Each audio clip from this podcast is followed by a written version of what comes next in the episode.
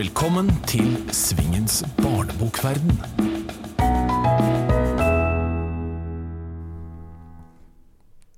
Da er vi tilbake i Svingens barnebokverden. Denne gangen er gjestene Stian Hole, grafisk designer, forfatter og illustratør. Og i tillegg Øyvind Thorsæter, forfatter og illustratør. Stian, vi skal begynne med deg. Velkommen. Takk for det. Hva fikk deg til å gå fra å være designer til å begynne å gjøre egne bøker? Først må jeg si takk for at jeg får komme hit, eh, Arne. Takk for eh, Ikke bare for forfatterskapet ditt, men også for at du eh, løfter fram andre kollegaer. Det er fint. Bra. Det syns jeg er hyggelig, og hyggelig å lytte på. Eh, det, nå er det jo en god del år siden jeg begynte å la, eh, lage bildebøker. Så, men da gikk jeg på kunst- og håndverksskolen, husker jeg. Uh, og hadde lyst, da hadde jeg lagd, fått lov å prøve meg på å lage bokomslag i noen år. Og så hadde jeg lyst til å, til å prøve å lage en fortelling sjøl, så da, da begynte jeg å jobbe på en bildebok som jeg jobba på i mange år. For, jeg, for jeg måtte, det var så mye jeg måtte finne ut av. Men det var vel et ønske om å, ønske om å forsøke å lage en fortelling. Om, om i, å jobbe med bilder og, og ord. Eh, så det var et, et forsøk på å ønske om å lære tror jeg kanskje var det, den første motoren. For den første boka di, det ble 'Den gamle mannen og hvalen'. Mm. Ja. Som da kom i 2005. Mm. Det var, ja. Og siden så har du jo eh, med ja, sånn cirka skal vi si, gjennomsnitt to års mellomrom blitt nye bøker. Og hvor mye av tiden Hvor stor andel av tiden din bruker du på egne arbeider? Mm, Jeg har, eh, nå synes jeg jeg har funnet en Jeg fant ganske tidlig en god eh, vekselbruk og rytme. Og det handler jo om helt sånn praktisk eh, at jeg trengte eh, penger. Sånn eh, til å finansiere at jeg kunne jobbe med de litt lengre prosjektene som jeg hadde lyst til å jobbe med. Så, og den samme rytmen har jeg egentlig holdt eh, hele veien, og det, det har jeg god kontroll på. Men etter hvert så har jeg jo fått uh, vært så heldig at uh, jeg har kunnet leve mer og mer av bildebøkene jeg lager. Uh, så da mm, hender det at jeg takker nei til en del omslagsjobber, da. Så, men det er en sånn balansegang, det der, fordi mm, det er sånne omslagsjobbene er spurtetapper, og så er det en sånn maraton når jeg lager min egen bildebok. Men det er også en veldig god trening å jobbe med å lage bokomslag, fordi for det første får jeg lest masse, som jeg er så glad i, og så får jeg også øvd meg på å tenke visuelt, og koble bilder og, og lete etter uh, kna visuelle knagger. Så, det, er- så jeg tror også den vekselbruken har vært en slags sånn treningsprosess eh, for å kunne jobbe med eh, bilde, bildeboksjangeren. Du gjør jo, for å bare snakke bitte litt om omslagene dine, så gjør du jo eh, mange omslag for kjente norske forfattere. Lars Saabye Christensen, Kjartan Fløgstad, Roy Jacobsen. Eh, er du veldig selektiv hva du velger å gjøre omslag på?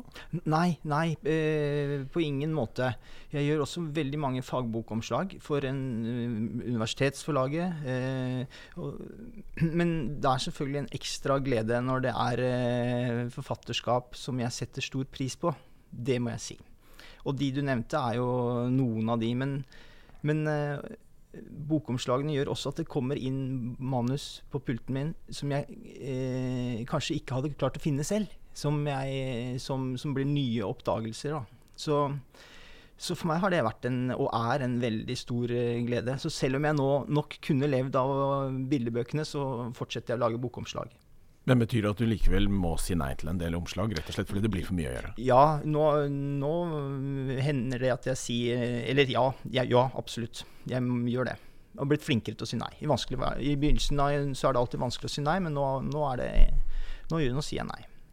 Og det er også sånn, blitt sånn at jeg er blitt litt sånn særere og tydeligere eh, i prosessene. Altså hvis, jeg, hvis det er urimeligheter eller ting jeg er uenig i, så sier jeg tydeligere ifra nå enn det jeg gjorde som ung designer, da jeg godtok eh, godtok mye mer fra forlagene og fra markedsavdelinger og alle som skulle inn og synse og mene. Nå, nå stoler jeg mer på min erfaring og håndverket jeg kan, og den kunnskapen jeg har. Og da sier jeg også tydeligere fra til eh, forlagene hvis jeg er uenig. I denne podkasten så har vi eh, gjestespørsmål. Og jeg har lyst til å ta det aller første eh, til deg. Det er fra forfatter Synne Sund Løes. Og hun skriver I hvilken grad får skråstrek har du kontakt med egne følelser når du illustrerer andres følelser?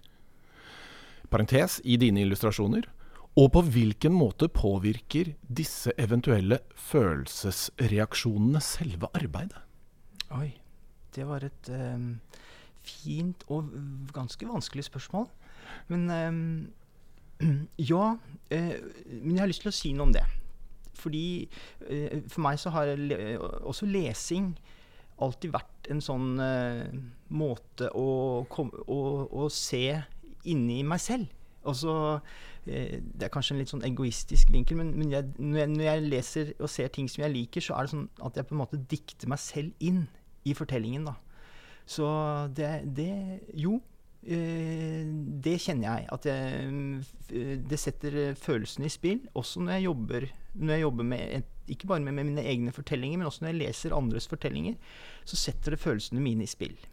Og det er, noe, det er en fantastisk ting med med litteraturen og kunsten eh, at eh, det er en slags sånn eh, årvåkenhet som vekkes, men også minner, hukommelse og en slags sånn forundring eh, som er litt vanskelig å sette ord på, men jeg kjenner det veldig godt. Eh, og jeg kjenner det også når det ikke virker, for da, da, da går jeg videre. Så men for meg så er eh, lesing eh, Det er på en måte bildeproduksjon.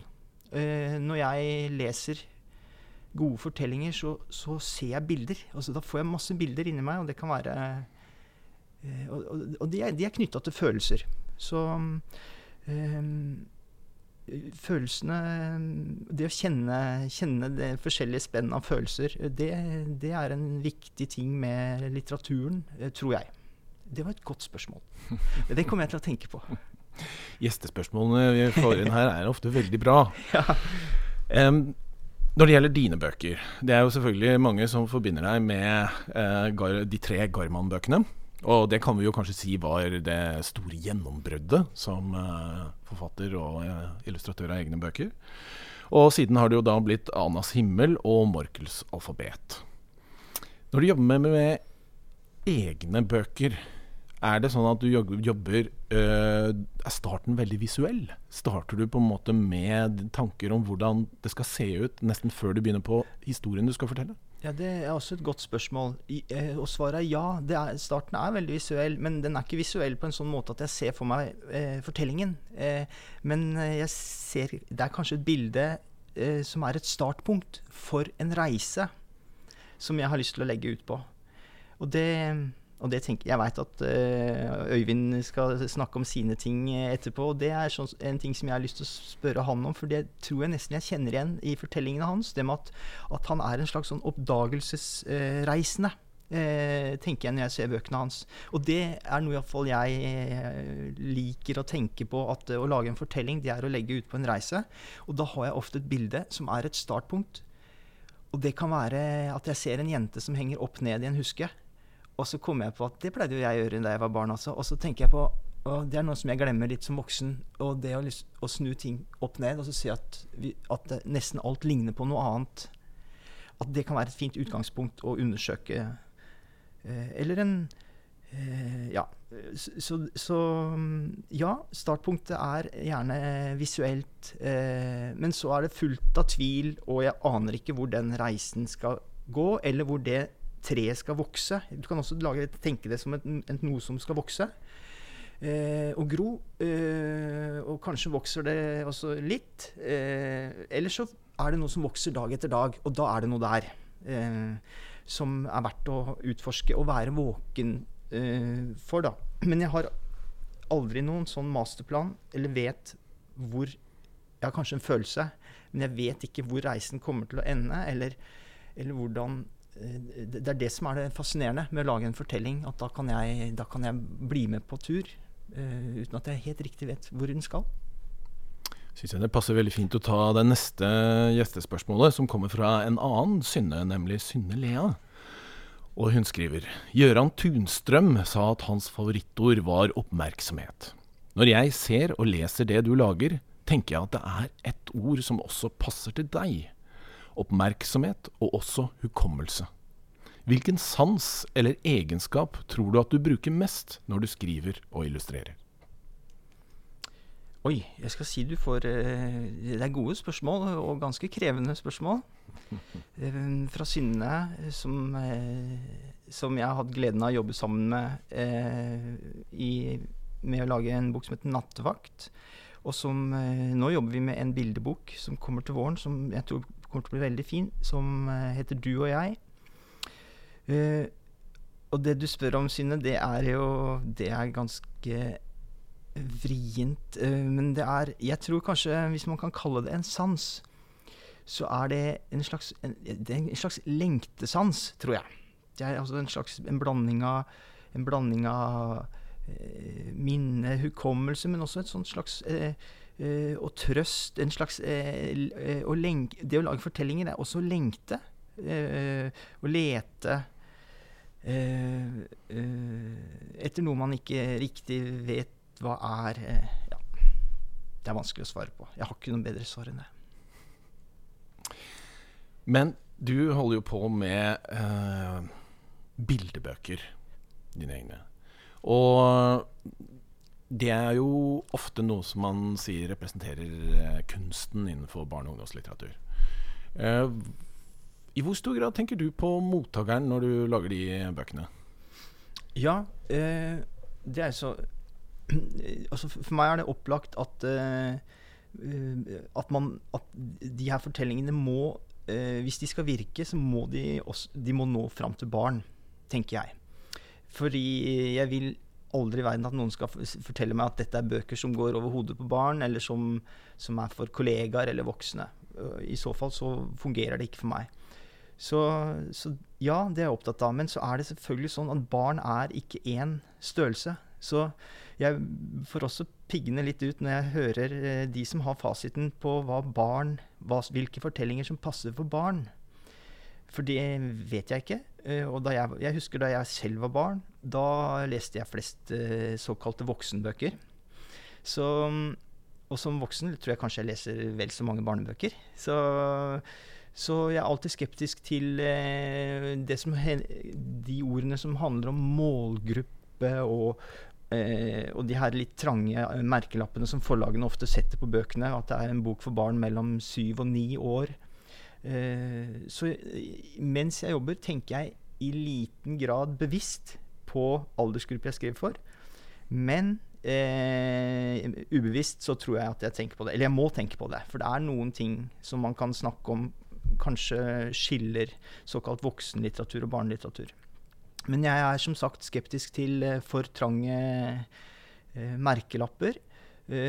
Og det jeg er opptatt av da, i, i vårt, vår sammenheng, det er at, at, vi skal ha et mangfold. Et mangfold av fortellinger, av stemninger. Og, og det syns jeg vi i stor grad har klart å få til i Norge.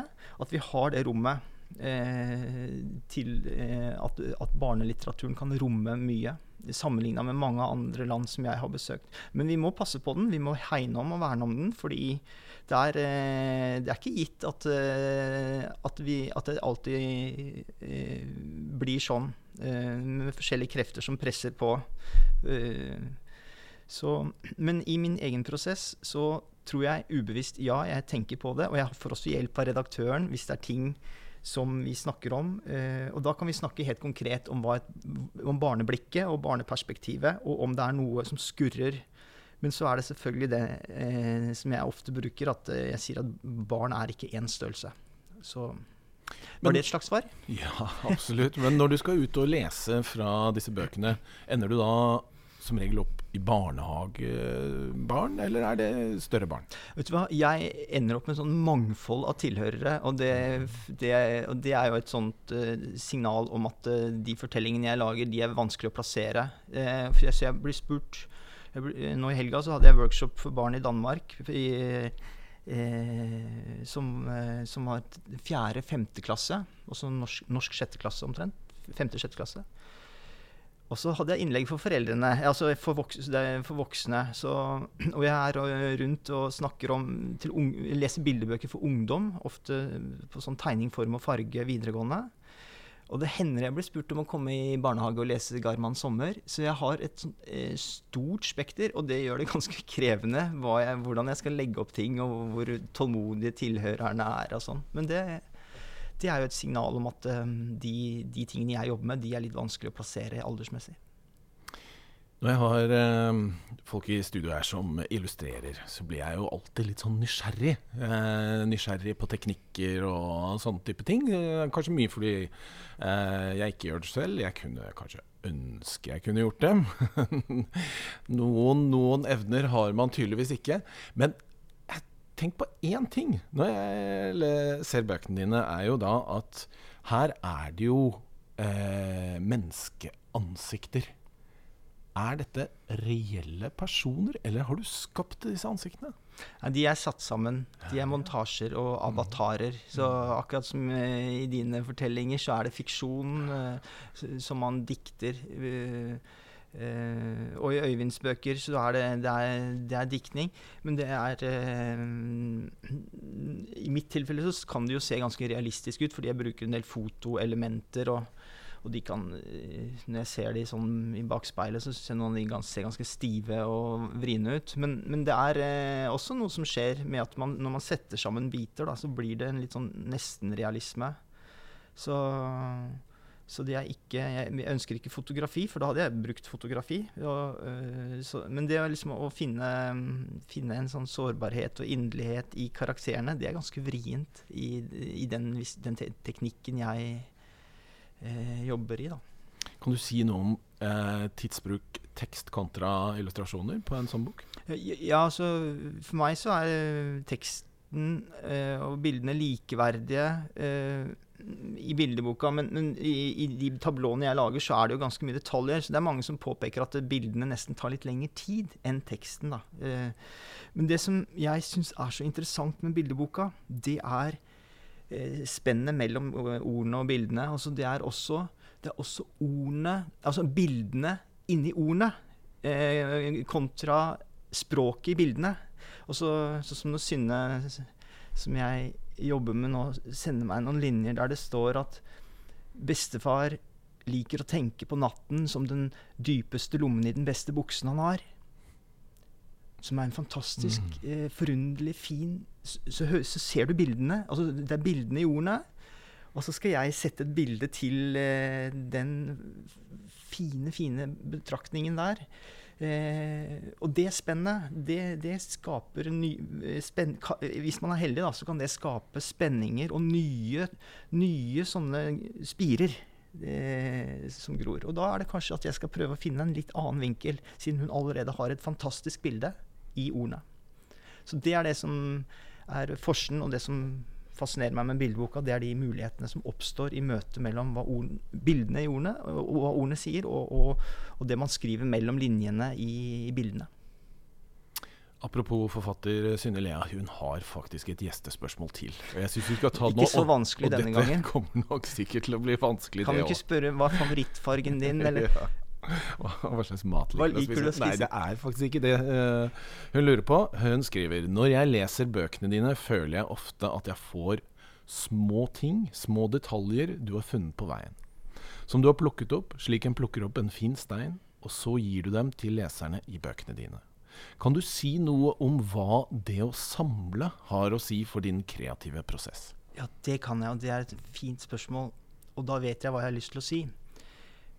Fordi øh, jeg, jeg, hørte en jeg tror en svensk forfatter, Johan Theorin, han kom med en sånn lignelse på hvordan det er å lage en fortelling, eller å være en forfatter. Han sa noe som jeg kjenner meg godt igjen i. Han sa det er som å gå langs stranda, og så plukker du opp sånne fine ting, skjell og steiner som du finner, og så tar du dem med deg hjem. Og så forsøker du å få de til å passe inn og lage i en mosaikk eller et bilde. Og det syns jeg er en, en, en, gjenkjennelig eh, bilde på det å, å, samle og prøve å sette sammen bitene. Som jeg også gjør i denne kollasje- eller montasjeteknikken. Og jeg, jeg, lagde et bilde til en bok sammen med Lars Saabye Der jeg eh, lagde en vase som var satt sammen av mange sånne brud, knuste glassbiter. Sånne, eh, og det syns jeg også er et bilde på det med å sette, prøve å sette sammen bitene til en vase som noen andre kan, kanskje kan putte noe oppi. Og det som var litt pussig, det var at nå i helga så hørte jeg på Vigdis Hjort. Hun eh, holdt en, innledning om Tove, en fantastisk innledning om Tove Ditlevsens forfatterskap. Og så, Der hadde hun brukt et lignende bilde, men hun hadde snudd det på hodet. For hun sa, som jeg tror da er også en allegori om å være en forfatter eller å prøve å lage en fortelling, hun sa at da hun var jente, så, hun så kunne hun gå bort og så kunne hun hente den fineste vasen. Og Så holde den i hendene, og så kunne hun høre en stemme i hodet som sa 'slipp'. Slipp.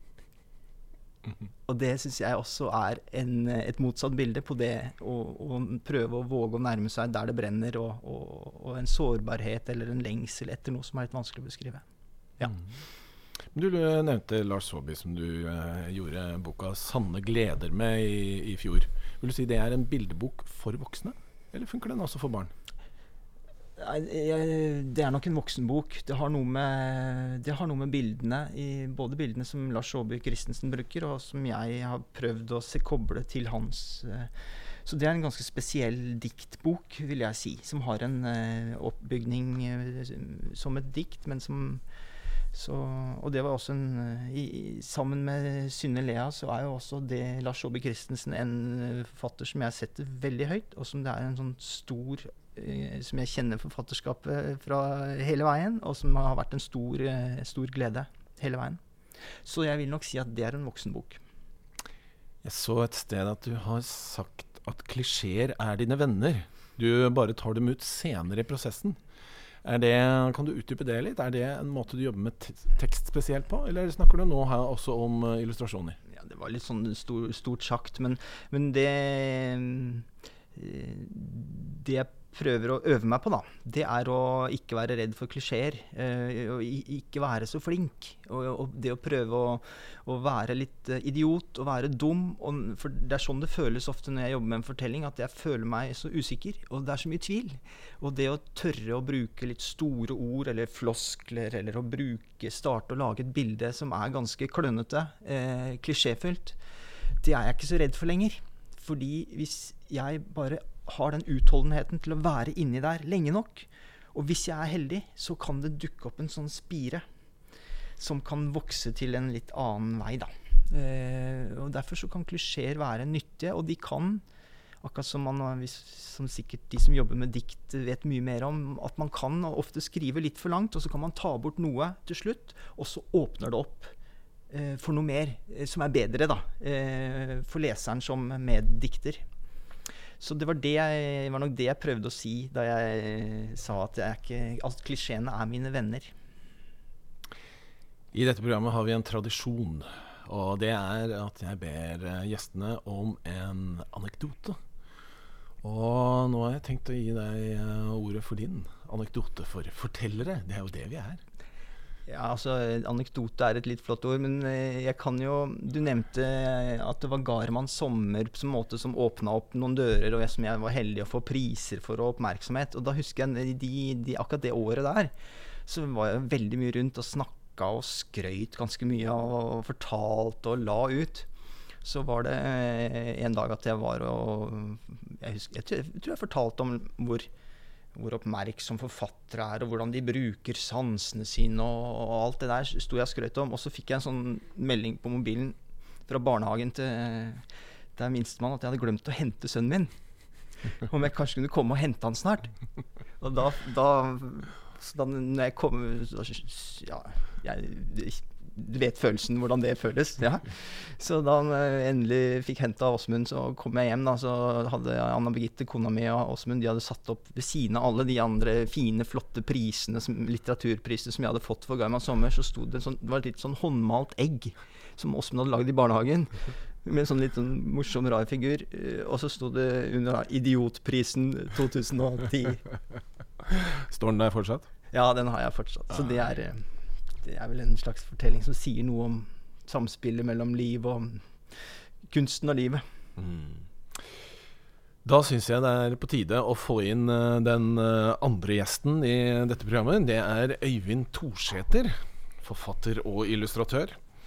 Kanskje, kanskje i motsatt rekkefølge. eh, illustratør og forfatter. Velkommen, Øyvind. Takk. Dere to, skal, når, jeg, når jeg da har dere her begge to, så er det jo én ting som vi vanligvis ikke prater om i disse programmene. Og, og det er litteraturpriser. Men herregud, dere to har fått, eh, fått noen. Smiler begge. uh, og, og det jeg har lyst til å spørre om, er jo da at når man har fått noen sånne Hvor stor betydning har det for eh, det daglige virket, forfatterskapet, illustratørvirksomheten? Det gir jo Altså, vi sitter jo og jobber med de tingene våre ganske alene uten å vite helt uh, Egentlig hvordan det blir til slutt. Vi snakker om redaktør og kanskje visst til kolleger og sånne ting. Men uh, det er jo utrolig fint å få en sånn anerkjennelse og en sånn løft. Da. Og Men sånn etter at noe sånt har skjedd, og kommer tilbake på studio, så syns jeg det deiligste er bare å sitte og jobbe og lage tingene mine. Uh, vet ikke hvordan det er med deg, Stian? Jo, jo da. Jeg, ja. jeg har lyst til å spørre deg, Øyvind, siden det er altså, For jeg tror ikke det er litteraturprisene som er motoren din, eh, og ikke min heller. Det er selvfølgelig en veldig fin bekreftelse, og sånn at man, det man driver med, at man er på rett spor. Mm. Men jeg har lyst til å spørre deg, eh, fordi jeg syns du lager fantastiske eh, ting. eh, Forunderlige, visuelle eh, fortellinger. Som, er- det er nesten sånn når jeg tenker Det er som å være på en oppdagelsesferd. da. Eh, når jeg ser bøkene dine, så lurer jeg på og det, det er sikkert et litt vanskelig spørsmål, hva, hva er det som er motoren? Hva, eh, hva er det som er din motor til å lage fortellinger? Nesten litt vanskelig å svare på, men er, jeg tror det er selve den prosessen å sitte og tegne altså, eh, hver dag. Og bare gå inn i den eh, bobla der, liksom. Og se hva som skjer. Og så vet jeg ikke hva som skjer ofte.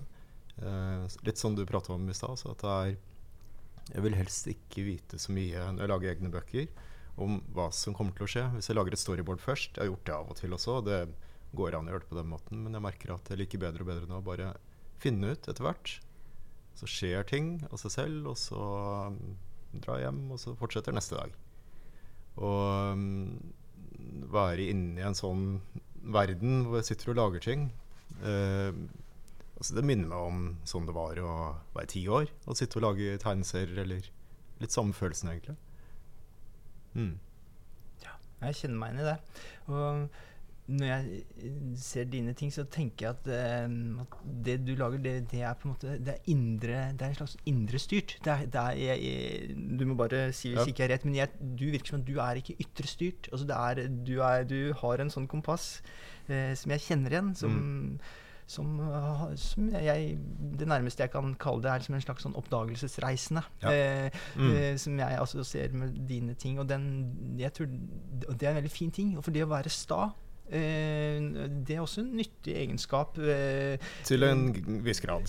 ja, men det, det, det, det å ikke la seg påvirke av Ja. eh, Ja, men jeg, jeg, merker jeg kan legge ut noe sånn altså, Det er en oppdagelsesreise, men det også kan legge ut noen ikke sant, Ha et kompass, kan legge ut noen spor og litt sånn gi det litt retning. Det kan ofte være greit. For det jeg har hatt eh, Det er kanskje litt sånn erfaring også, men jeg satt i perioder og jobba med veldig mye prosjekter som ikke ble noe av. Som ble havna i skuffer og sånt. Nå kan jeg jo ta opp igjen noe av det her og jobbe Mm. videre med det. Men veldig mye som var liksom i alle retninger. Så det tok litt tid før jeg fant retning på hva jeg holdt på med. Og øh, øh, Ja, det Men det er litt sånn erfaring, altså. Ja. Jeg blir sikrere på hva de gjør etter hvert. Og, ja. Så, men øh, jeg tror selve det å sitte og jobbe er det aller viktigste for meg. Og så er det kjempefint øh, å få en pris. Og det gir jo også mulighet til å gjennomføre nye prosjekter. Ja.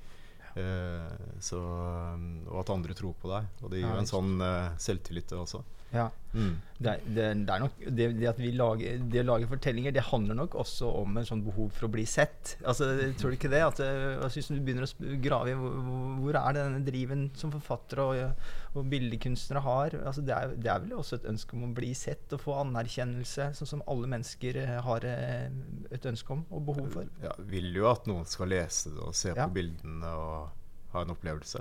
Man sier jo at eh, misunnelsen er det eneste som er sterkere enn seksualdriften. Merker man noe til denne misunnelsen blant kollegaer?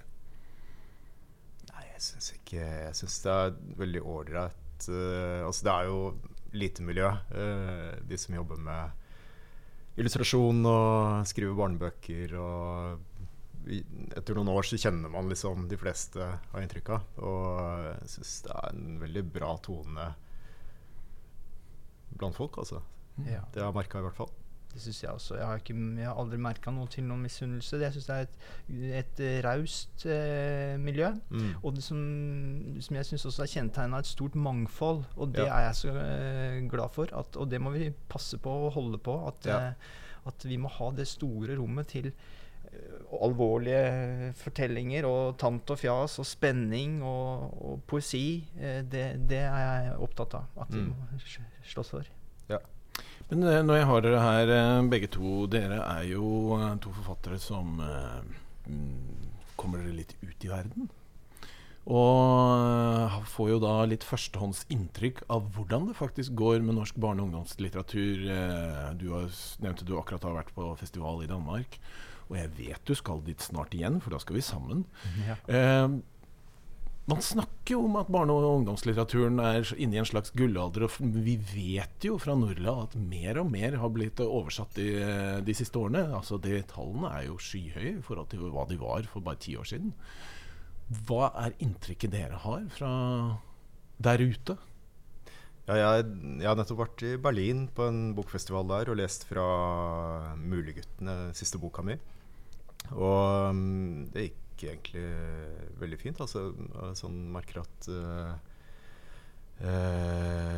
Blitt veldig bra mottatt eh, i Tyskland, den boka. Og eh, det som var en del spørsmål rundt, var liksom det nordisk eller norsk eh, barnelitteratur og eh, bildebøker spesielt, og hva man kunne tillate seg å gjøre i bildebøker. Og at det virka som det var en veldig sånn frihet da, i de norske bildebøkene som ble satt egentlig veldig pris på. At det ikke Det er litt det Stian nevnte i stad, at det ikke er så veldig sånn aldersfokus, eller at det er temaer man kan ta opp eller ikke ta opp, og sånne type ting. Det virker nesten som at de gjerne skulle sett noe lignende f.eks. i Tyskland. Da. Eller at eh, det var en like stor frihet eh, i eh, å lage eh, bildebøker. Og ditt inntrykk, eh, Stian? Ja, nei, jeg, jeg tror det stemmer at det er en slags med, medvind. eh, eller en sånn velvilje og, um, når det gjelder norsk og kanskje nordisk litteratur i mange land. Og det handler selvfølgelig også om at det er noen som gjør en god jobb. Eh, sånn helt fra de dørene som åpna seg med 'Sofies verden' fra Jostein Gaarder, og den jobben Norla gjør. Eh, og nå gjør de en stor jobb inn mot den eh, store eh, bokmessa i Frankfurt, der Norge skal være gjestland, vet jeg. Så, men det er også en interesse for det nordiske og et, og et slags sånn, kanskje et bilde, da, kanskje spesielt i Tyskland, eh, Danmark, av det nordiske. Som, de, har, de har et bilde av naturen vår og landet vårt, men også av litteraturen, at den har høy, eh, en eh, høy stjerne. Jeg, det, det, er det er vanskelig å se seg selv, men, men, men det er iallfall en nysgjerrighet. Eh, og en åpenhet eh, og i utlandet, opplever jeg, i veldig mange forskjellige land, for eh, norsk barne- og, og litteratur generelt. Og så er jo vi tilsvarende dårlige, synes jeg, til å ta inn andre lands barne- og ungdomslitteratur til Norge. Og det burde vi reflektere over, fordi Bortsett fra USA og England. Ja, men eh, det er så mange andre land eh, og ting som vi kommer borti når vi får lov til å være ute og reise. Så møter vi ting som er så bra, mm. og eh, som mm, norske forlag virkelig burde gå i seg selv og eh, prøve å øke andelen av fortellinger utenfra til norsk. For det er noe vi trenger. altså Vi trenger å, å lære om at andre ser verden annerledes enn oss. Øyvind, jeg har bedt deg om et eh, spørsmål til Stian. Stian, du har jo allerede stilt ditt, så vi, eh, nå er det Du Øyvind sin tur. spør om noe Ja. enkelt, da. Altså, jeg tenker jo ehm, at eh, du har jobba og prøvd forskjellige teknikker og forskjellige måter å jobbe på for å komme fram til det uttrykket du har i dag. Og så tenker jeg kanskje at Var det noe sånt tidspunkt du fant ut at OK, dette er sånn jeg kan jobbe, eller dette er ikke at jeg ikke trenger å gjøre andre ting, eller, men liksom denne måten å jobbe på er det som funker for meg. da. Uh, og da er det f.eks. digital kollasjer som du jobber med, og liksom at du fant den retningen som bare funka. Ja. Ja, det er som du sier, altså det tar tid å finne, finne sporet. Mm. Eh, ikke sant? Man, så for meg skjedde det eh, egentlig ganske tidlig at jeg ante at det var et spor. fordi da jeg gikk på kunst- og håndverksskolen, så jobba jeg med kollasjer på papir. altså eh, men så var det jo da Jeg er så gammel at det var jo midt i den digitale revolusjonen. Så plutselig var det noen som begynte å vise meg Photoshop og liksom hvordan man kunne gjøre det samme digitalt. da Mm. og, og i løpet av få år så ble jo den teknikken, teknologien enda mye bedre. Mm. Man kunne jobbe i lag Mm. i Photoshop. Det kunne man ikke i den første Mm. versjonen. Det, var, det er en ganske viktig ting. Så da skjønte jeg oi, her er det et verktøy der jeg kan gjøre det samme. Men jeg kan overprøve eh, og lagre og uh, sammenligne og gå tilbake. Så, så det var et veldig egna verktøy. uh, for det jeg hadde egentlig hadde drevet med hele tiden, med å klippe og lime og sette Mm. sammen biter. Så ja, jeg burde nok utfordre meg til å liksom kanskje prøve andre ting. Men jeg har samtidig funnet det som jeg eh, liker å sitte og jobbe med. Eh, og jeg har nå et verktøy som er egna til det. Så, så da blir jeg der og graver eh, videre, da. Det er et ganske stort felt å Ja. utforske. Da. Ja da. Mm. Det er mye uoppdaga. Ja. For dere har jo ehm, veldig forskjellige områder innenfor uh, illustrasjonsfeltet som dere jobber på. Så betyr det Øyvind, at det som Stian holder på med, er veldig fjernt for deg? Nei, egentlig ikke. For jeg syns også at jeg jobber egentlig med en slags kollasj. Eller jeg bare gjør det på en litt annen måte enn Stian. Altså Jeg jobber veldig fysisk, men jobber også digitalt innimellom. Eh, men eh, jeg tegner veldig, veldig mye. Og så klipper jeg og limer og setter sammen av mine egne tegninger, egentlig. Så det blir Det er en slags kollasjmåte å tenke på ofte med mine ting også. Eller måten å jobbe på, selv om det ikke synes på samme måte. Eller ja, det, Vi har forskjellige uttrykk, men kanskje noe Og så tenker jeg at du jobber veldig mye i lag oppå hverandre. Eh, og jeg jobber med flater, ikke sant. Det er mye som er litt sånn forskjellig, men eh, eh, akkurat den kollasjmåten å tenke på tror jeg er litt sånn felles. Det tror jeg også. Jeg tror ikke det er så stor forskjell. Men det som jeg har uh, misunner deg, da, hvis jeg kan si det, det er den derre Det det intuitive i streken. Altså det, det, det er vanskelig når man jobber veldig kontrollert, eh, sånn som jeg gjør. eh, Så jeg syns du har en helt fantastisk sånn, sånn ømhet eller sårbarhet eller i de karakterene i, i enkle, veldig få streker. Eh, og så har du også en sånn veldig eh, profesjonalitet da, i håndverket ditt. F.eks. hvordan du eh, bruker farger. Eh, når, for det tror jeg du legger på kanskje etterpå. Og, Mm. og, at, og at du bruker farge som et virkemiddel til å ja, Det kan du kanskje eh, si noe om selv, men det, det, det er sånn som jeg gjerne vil snakke mer med deg om på tomannshånd, da. Det er ett eh, spørsmål jeg faktisk jeg føler jeg må stille. Som når jeg har de to mest prisbelønte eh, illustratørene i, i Norge i dag, eh, fra hvert fall de siste ti årene, i studio. Og det er, uten at dere trenger å nevne noen navn her, men kommer det ut mange bøker i Norge med dårlige illustrasjoner, syns dere? Snakker jeg om norske bøker primært. Da ble det stille. Ja, må tenke litt. Ja, det, jeg har ikke, det er ikke noe vits i å vi, Som jeg prøvde å vi, Som vi snakka om i stad, er det noe jeg liker, så vekker det følelser hos meg, eller setter følelser i spill. Er det noe som, jeg, som ikke gjør det, så, så går jeg på en måte videre. Så finner jeg det noe annet. Mm. Så jeg tror heller jeg vil si det sånn Jeg er aldri eh, det, det, og det skal være et mangfold. Det er det vi, så det, det, det syns jeg vi har, da. Det, er- det er fortellinger som jeg ikke liker. Det må jeg si. Også det er fortellinger f.eks. Eh, når de gir ut fortellinger på forlaget mitt som skal få folk til å sovne. Eh, hvorfor i all verden skal de få folk til å sovne? tenker jeg Bøker skal få folk til å våkne. Mm. Ja, så det, da kan jeg, det kan jeg tørre å si. Og så syns jeg det kan bli for, noe bli for kommersielt hvis andelen av legobøker og sånne innkjøpte seriebøker blir for stor. Så kjenner jeg, da, da føler jeg meg fremmed da, til eh, forlaget. Som, eh, for det er ikke der, det er ikke de tingene som De har aldri trekt, vært noe magnet der. Det må jeg få lov å si. Ja, jeg syns Stian svarte egentlig veldig bra på det. Ja, svarte på begge.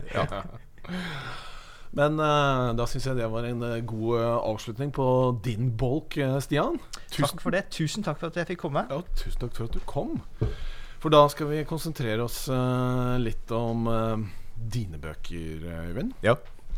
Du eh, begynte altså å utgi bøker i 1999. Ja.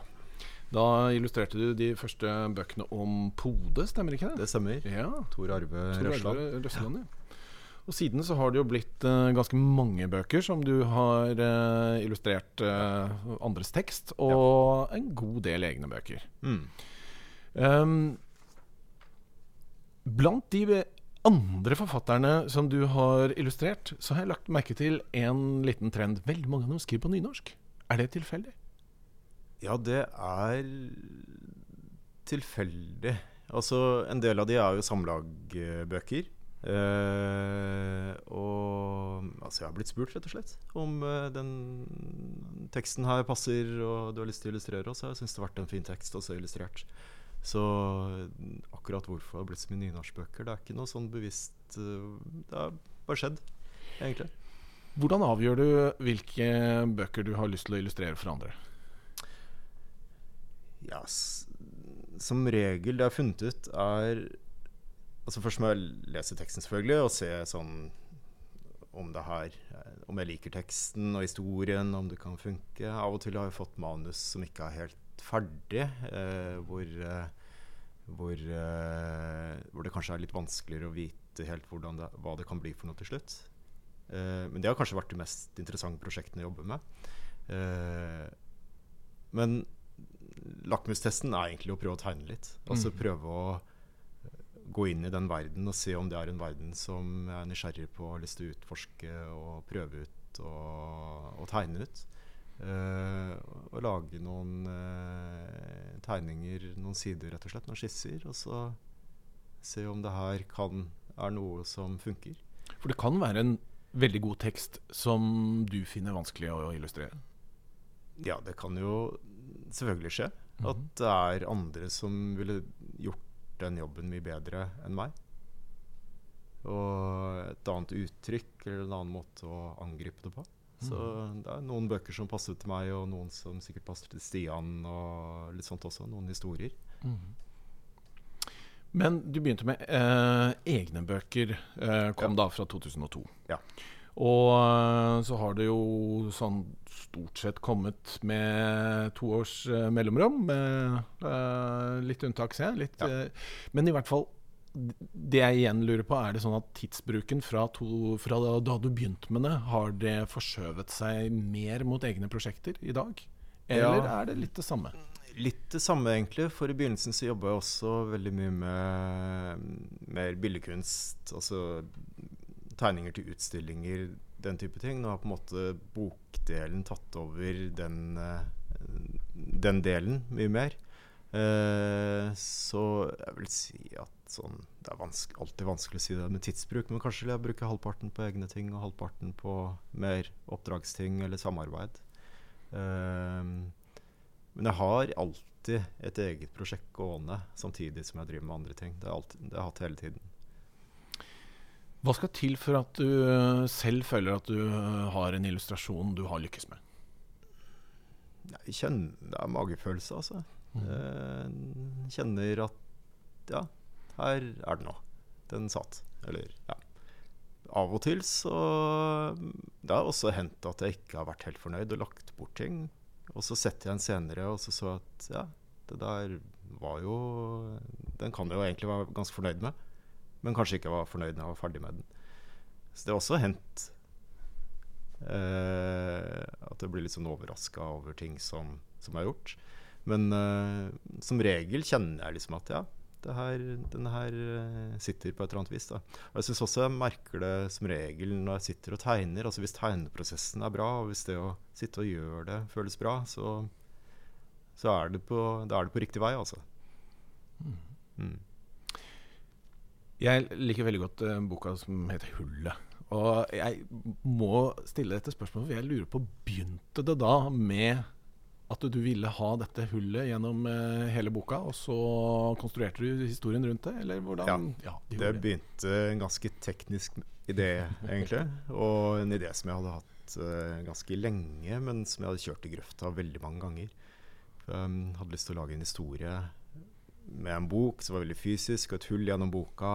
Og jeg starta da med å lage veldig mye sånne enkeltideer. Og først så kommer veldig mye opplagte ideer. ikke sant? Lage en tegning med noe hull gjennom noe, et eller annet. Etter hvert så kom det litt mer eh, snåle ideene, da. Med at hullet kunne bevege på seg, eller bli et objekt, eller Og det er en sånn bok som var utrolig morsomt, men også frustrerende å lage. For den eh, Jeg vet ikke, den øh, Det ble øh, Jeg ble liksom ikke kvitt ideen. Jeg måtte bare få gjort bok ut av det til slutt. og jeg hadde veldig mye ideer som ikke ble noe av uh, når jeg satt med den. Så men det, det var morsomt å lage. Altså. Den har også vært fin å lese høyt fra. Og ha litt sånn samtale. Lest den en del for skolebarn. Og da snakker vi litt om ja, f.eks. hvis du har hull et hull i veggen. Kan du ta det ut? Kan du putte det i lomma? Kan du holde det i hånda di? Ikke sant? Og så blir det en litt sånn fjollete filosofisk diskusjon om det. Hva sier forlaget når du kommer med uh, ideen om at 'jeg vil ha et hull gjennom hele boka mi'? Sier de ja, det fiksa vi. Ja, det fiksa de. Ja, det det syns de var kult. Ja. Men uh, vi må snakke om en, en gutt. Eller hva er Mulegutten? Ja, han er vel en sånn blanding av et dyr og en gutt eller mann. Litt sånn ubestemmelig. Jeg vet ikke helt selv. Jeg. Altså, jeg prøver å tegne ut og se litt. Jeg tenker at han kan forandre seg. Og jeg tenker litt En del av de karakterene som jeg bruker i bøkene mine, kan være litt som skuespillere. Mm. At de kan uh, gå ut og inn av historier, og så kan de få forskjellige roller. Og det kan ha litt sånn som Donald og Anneby. Ikke sant? At uh, plutselig kan Donald jobbe på fabrikk, eller så kan han gjøre noe annet. Ikke sant? Uh, hva som trengs i forhold til historien. Så jeg tenker at de karakterene jeg bruker, er, kan være ganske sånn eh, formelige. Mm. Og, øh, og han er sånn Han er med i Hullet, hvor han er litt sånn øh, ja, naiv, nysgjerrig. Øh, og det er han for så vidt også i neste bok hvor han er med, 'Mulegutten'. hvor han som er basert på et folkeeventyr, og da spiller han på en måte Askeladden. da så um, altså han er litt ubestemmelig fyr. Så dukker han opp i den nye boka di som er ja. nå rett rundt hjørnet, som ja. heter 'Mulyssus'. Ja. Mm. Og det er en, en, historie fra sjøen, da, hvor han reiser til sjøs sammen med en kaptein og en blindpassasjer. Mm -hmm. Og eh, det er kanskje mer en tegneserie. Eh, og ja, litt oppdagelsesferd, egentlig. Men når du sier tegneserie, hva tenker du da er forskjellen? Er det mer ruter? Er det snakkebobler? Altså, hva, hva, er det som gjør forskjellen for deg? Jeg har tenkt litt på det forskjellen mellom bildebok og tegneserie. For jeg ser jo at veldig mye av det jeg gjør, er nært beslekta til tegneserier. Og hva som er liksom grensen for tegneserie, bildebok Altså den De tingene der, altså, der glir jeg nok litt mellom båsene på et vis. Eh, det, kan, altså Den nye boka består stort sett av fire ruter og oppslag eller store bilder. Og jeg tenker De fire rutene, som er klassisk tegneserie, de har en rytme og et sånt tempo når du leser, leser det, som kanskje ikke er i bildene. Altså Bildene er mer sånn at du kan forsvinne inn i det. Det har ikke den tiden ved seg. Eller den eh, jeg tror kanskje det kan være en forskjell, da. Men ja, altså eh, Jeg tenker at de overgang Jeg syns det er interessant når, eh, når de der båsene liksom viskes litt ut. da At, at man kan låne litt fra forskjellige sjangere og forskjellige Forskjellige steder, egentlig. Men har denne boka også et litterært forelegg? Jeg mener, den heter jo 'Mulysses'. Ja, det er um, egentlig bare en uh, idé fra Håkon Øverås, som uh, jeg jobba sammen med. Og jeg fortalte ham at hva jeg holdt på med. Liksom en bok, en gjeng som reiste til sjøs, og Mulegutten reiste til sjøs. Så sa han ja, det må du kalle Mulissis. Og um, det ble sittende, egentlig. Og det er, eh, det er, litt sånn innom noen myter og litt eventyr og litt sånne ting. Um, og litt referanser hit og dit. Men det er eh, min egen historie, uh, hele, den hele den boka. Mens 'Mulegutten' var på en måte bygd ut fra et eventyr. Du vet, Vi som eh, skriver eh, tekstbøker, vi tar jo da eh, gjerne mange runder, noen ganger litt færre runder, med en redaktør. Hvor vi da forandrer på tekst, vi fjerner litt, vi mm. forandrer på slutten og sånne ting. Jeg, uten at jeg Jeg har nå en idé om at du kanskje ikke tar så mange runder med en redaktør, men det er mulig jeg tar feil? Jeg har hatt en del runder med redaktøren. Uh, Altså um, Det er Nicolai Hoem som jeg jobber med. Og um, han så prosjektet ganske tidlig, og så har han fulgt et sånn underveis. Og da ser, altså det har forandra seg ganske mye fra de første skissene og, og uh, utkastene. Og så Men vi har jevnlige møter altså, hvor så, vi går gjennom. Så det er en måte du jobber på? At ja. du rett og slett viser en Du diskuterer en idé, viser noen skisser, og så tar dere og diskuterer det? Jeg syns det er litt forskjellig hver gang. Altså, så, denne gangen så hadde jeg en bunke med tegninger som var egentlig ganske ferdige. Det er det få av de som havna i den uh, endelige boka, men noen av de eh, havna der. Og ut fra det så har jeg liksom satt sammen de, og så lagd mellompassasjer, da. Som, eh, for å binde de sammen. Og så har jeg fjerna litt, og så fortsatt. Ja. Eh, andre ganger har jeg kanskje kommet med mer et sånn storyboard-aktig eh, Veldig tidlig. Så det er litt forskjellig hver gang, syns jeg, hvordan jeg jobber. Men eh, så det er vanskelig å finne noe som mal på det, syns jeg. Vi snakket jo med Stian her i stad om at uh, når disse bøkene kommer ut, så står de da gjerne på nettside og katalog med en alderskategori. Ja. Uh, den nye boka di er vel også puttet i en av disse alderskategoriene. Ja. Blir den da presentert som uh, høytlesningsbok? Eller som selvlesningsbok? Altså type alder, snakker vi Hva står det? Nei, dette er vel en selvlesningsbok tror jeg. Uh, så da står det 7 til 9? Står det 9 til 12? Jeg lurer på om det står 7 til 12, eller noe sånt. Ja. Eller 7 og oppover, eller for, for, for, hva tenker du? Når du tenker du på mottakeren? Vi snakket litt om det i stad akkurat når jeg sitter og jobber, så syns jeg det er vanskelig å ha noe sånn særlig ytre perspektiv på det. Altså Da blir det på en måte inni den bobla som jeg sitter med. Men jeg kan jo se det i ettertid, og se det liksom i siste fase og sånn, kanskje. Eh, jeg har ikke prata mye om det med redaktøren, liksom, men kanskje ja, må skru litt til der og litt til der. Men eh,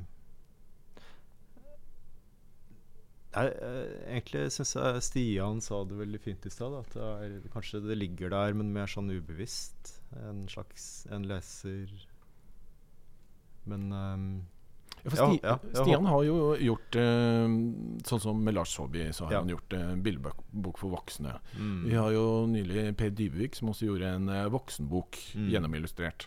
Har du gjort noe lignende?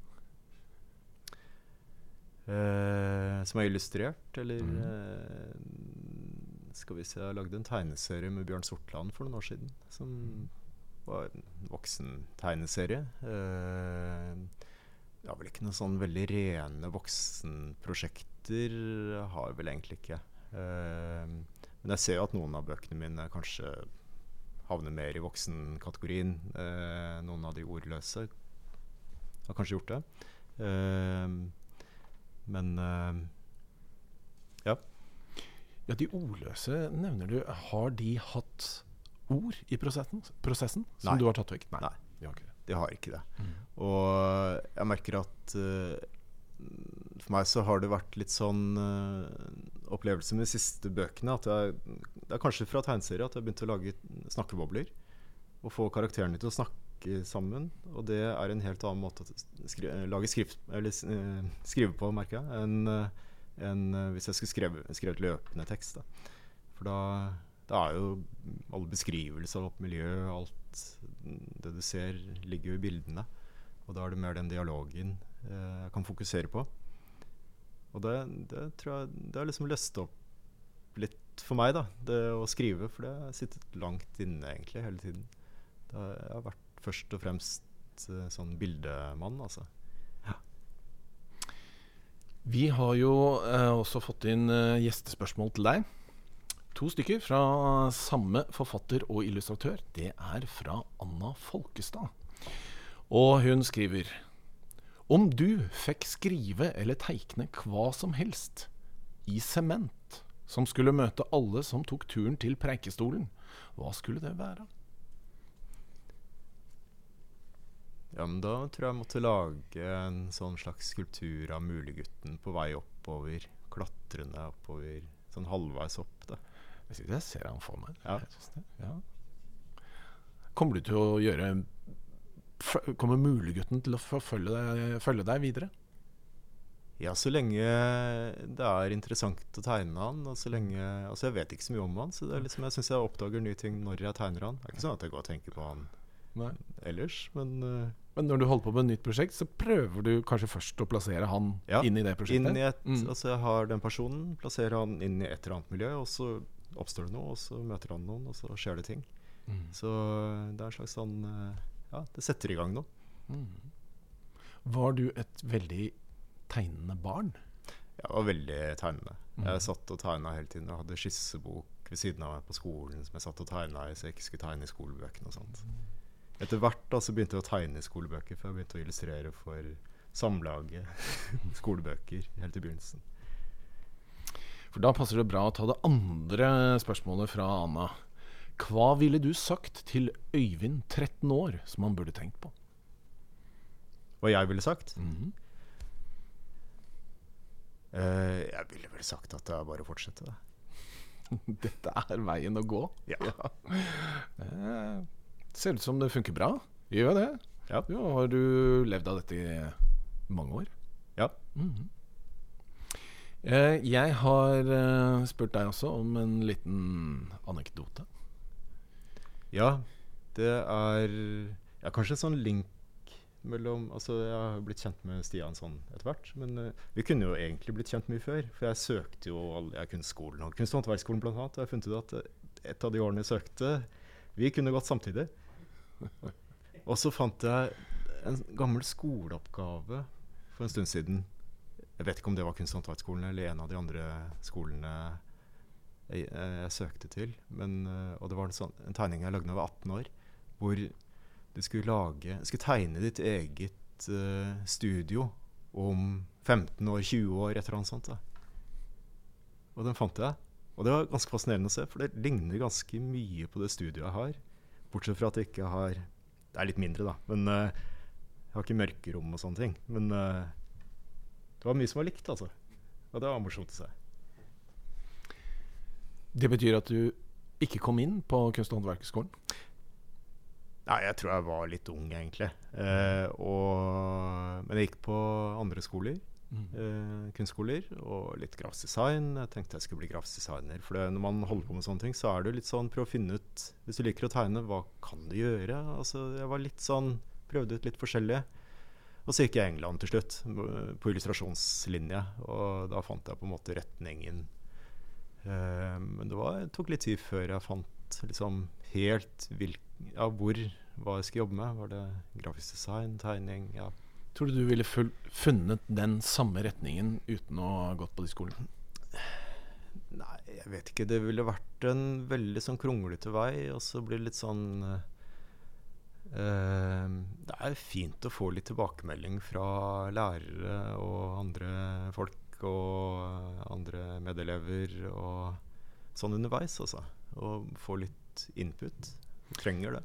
For jeg har jo aldri gått på noen eh, forfatterskole eller, eller tatt noe kurs for å bli det jeg er i dag. Men jeg har inntrykk av at veldig mange norske illustratører har tatt en eller annen formell utdannelse. Ja, jeg har inntrykk av at de fleste har eh, en illustrasjonsutdannelse, altså. Enten i Norge eller utlandet. Um, det, er, det, er, fint. altså jeg synes, så, Nå er det jo lenge siden, men jeg syns det var en veldig fin periode. Og du får liksom mulighet til å prøve ut uh, og utforske og jeg på en måte skulle gjerne studert litt igjen. Og så liksom uh, det, er, det, er, en fin periode. Og uh, vi fikk veldig mye frihet der jeg gikk i England i hvert fall, til å altså, prøve litt på grafikkverksted, drive med foto, drive med litt med video digitalt. Altså, ja. Uh, og um, det er fint å ha, kunne gjøre det innenfor de trygge rammene som eh, en skole har. Da. Helt til slutt. Nå kommer altså Mulysses eh, straks ut. Og du har jo da utgitt en del bøker, både egne og illustrert mange for andre. Mm. Hva slags type forventninger eh, har du sånn i en bokhøst som denne? Jeg håper jo at den blir godt mottatt, og at den blir lest. Og jeg er veldig spent på uh, hvordan den blir mottatt. Uh, og jeg er spent på å se den selv også, når jeg får den om et par uker. Altså, Én ting er å sitte og jobbe med tegningene, men at det faktisk kommer en fysisk bok som jeg har lagd, det liksom blir ikke virkelig før jeg holder den i hendene. Så uh, jeg håper at den at det går bra med den. At den ja. Så når redaktøren din ringer og sier eh, du, nå er boka kommet, drar du da rett ned på forlaget? Ja, da drar jeg rett ned og ser, altså. Mm. Ja. Men er, du, er, det også redselen for at noe kan ha gått galt i prosessen, som uh, ligger der? Mm, jeg føler at uh, vi dobbeltsjekka så mange ganger på slutten av denne boka, så jeg føler meg veldig trygg på at det, det skal gå greit, altså. Uh, jeg blir overraska hvis noe har gått galt. Veldig bra, Øyvind. Tusen takk for at du ville komme i Svingens barnebokverden. Takk for at jeg fikk komme. Takk til Stian Hole, og takk til Cappelen Dam for lån av studio. Svingens barnebokverden er tilbake om en måned. Du har hørt på Svingens barnebokverden med Arne Svingen.